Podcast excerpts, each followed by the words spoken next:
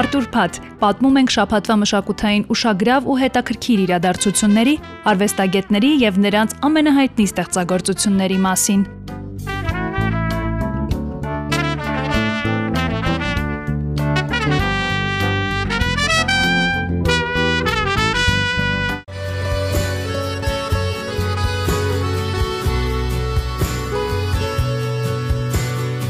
Նա Հոլիվուդի ամենահայտնի իսպանուհին է։ Նրա հմայիչ, էլեգանտ եւ խարիզմատիկ կերպարը շատերի համար մինչ օրս համարվում է գեղեցկության խորհրդանիշ, նրան դարձնելով ամենապահանջված արտիստներից մեկը։ Նա իսպանացի դերասանուհի Պենելոպե Կրուսն է։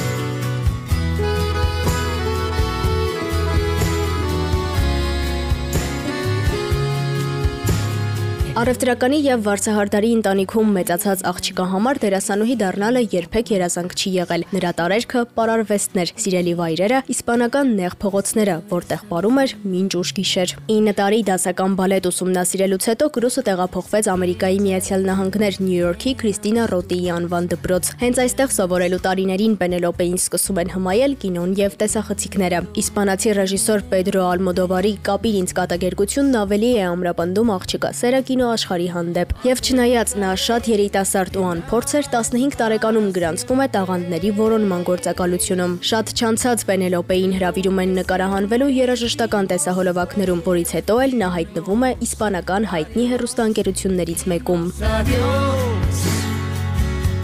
Volverlo todo negro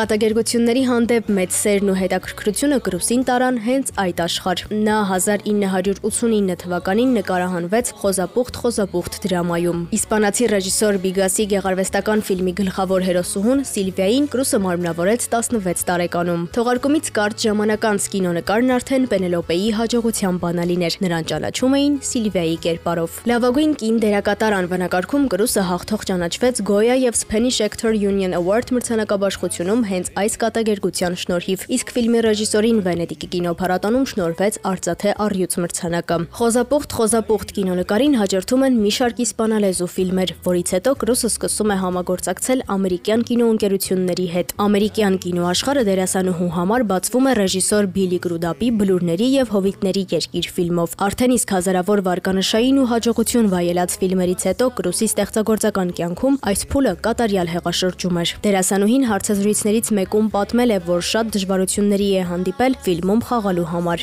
Մշտապես իսպանական հերոստանգերություններում աշխատելն ու անգլերենին գրեթե չտիրապետելը թույլ չէին տալիս անկաշկանդ շփվել անգլախոս դերասանների հետ։ Սակայն սա դեռ ամենը չէր։ Ֆիլմի շուրջ պտտվող վատ արձագանքները թողարկումից հետո երկար ժամանակ չէին դադարում։ Դրանց մասին էին վկայում կինոքննադատների վերլուծությունները։ Անկախ ամեն ինչից Կրուսը շարունակում էր փայլել նույնիսկ անհաջող համարվող ֆիլմում։ Կինոնկարն ավելացրեց արտիստի մրցանակները եւս մեկով Նա կրկին լավագույն կին դերակատարի դերում էր, սակայն այս անգամ Ալմա մրցանակաբաշխությունում։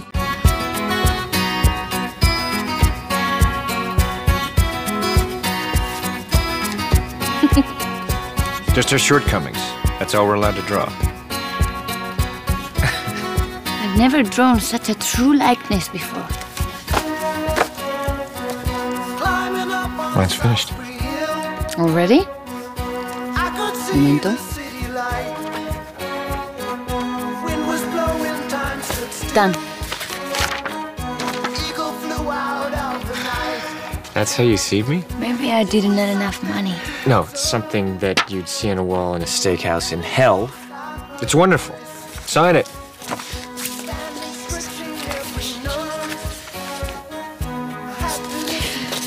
Let's see. Let's see yours. No. Give me that.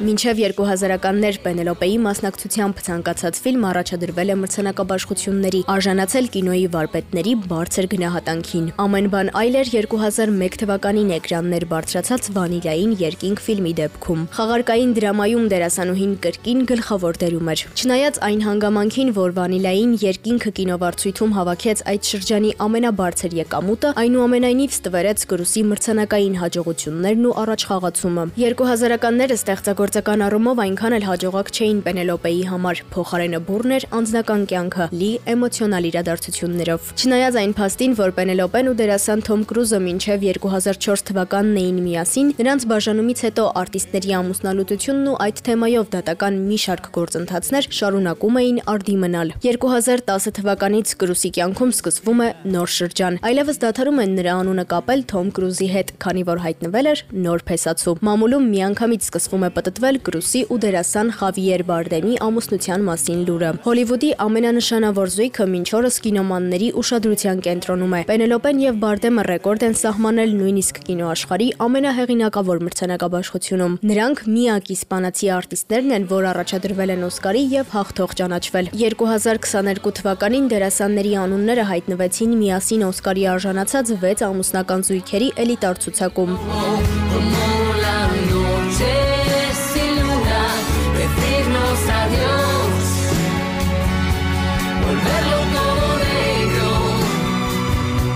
Հոլիվուդի ամենահայտնի իսպանուհու կյանքը լի է եղել հետաքրքիր իրադարձություններով։ Հարցազրույցներից մեկում նա պատմել է, թե որքան է պայքարել այն ամենի համար, ինչ ունի այսօր եւ նույնիսկ 16 տարեկանում պատրաստ է եղել հնարավոր ու անհնարին ամեն ինչի երազանքներին հասնելու եւ կինոաշխարհում իր տեղը գտնելու ու պահպանելու համար։ 85 միլիոն դոլարի հասնող կարողություն ունեցող Կրուսն այսօր էլ շարունակում է նոր կերպարներ կերտել, մշտապես մնալով բոլոր ժամանակների կանացի ու հմայիչ հոլիվուդյան արտիստը։ como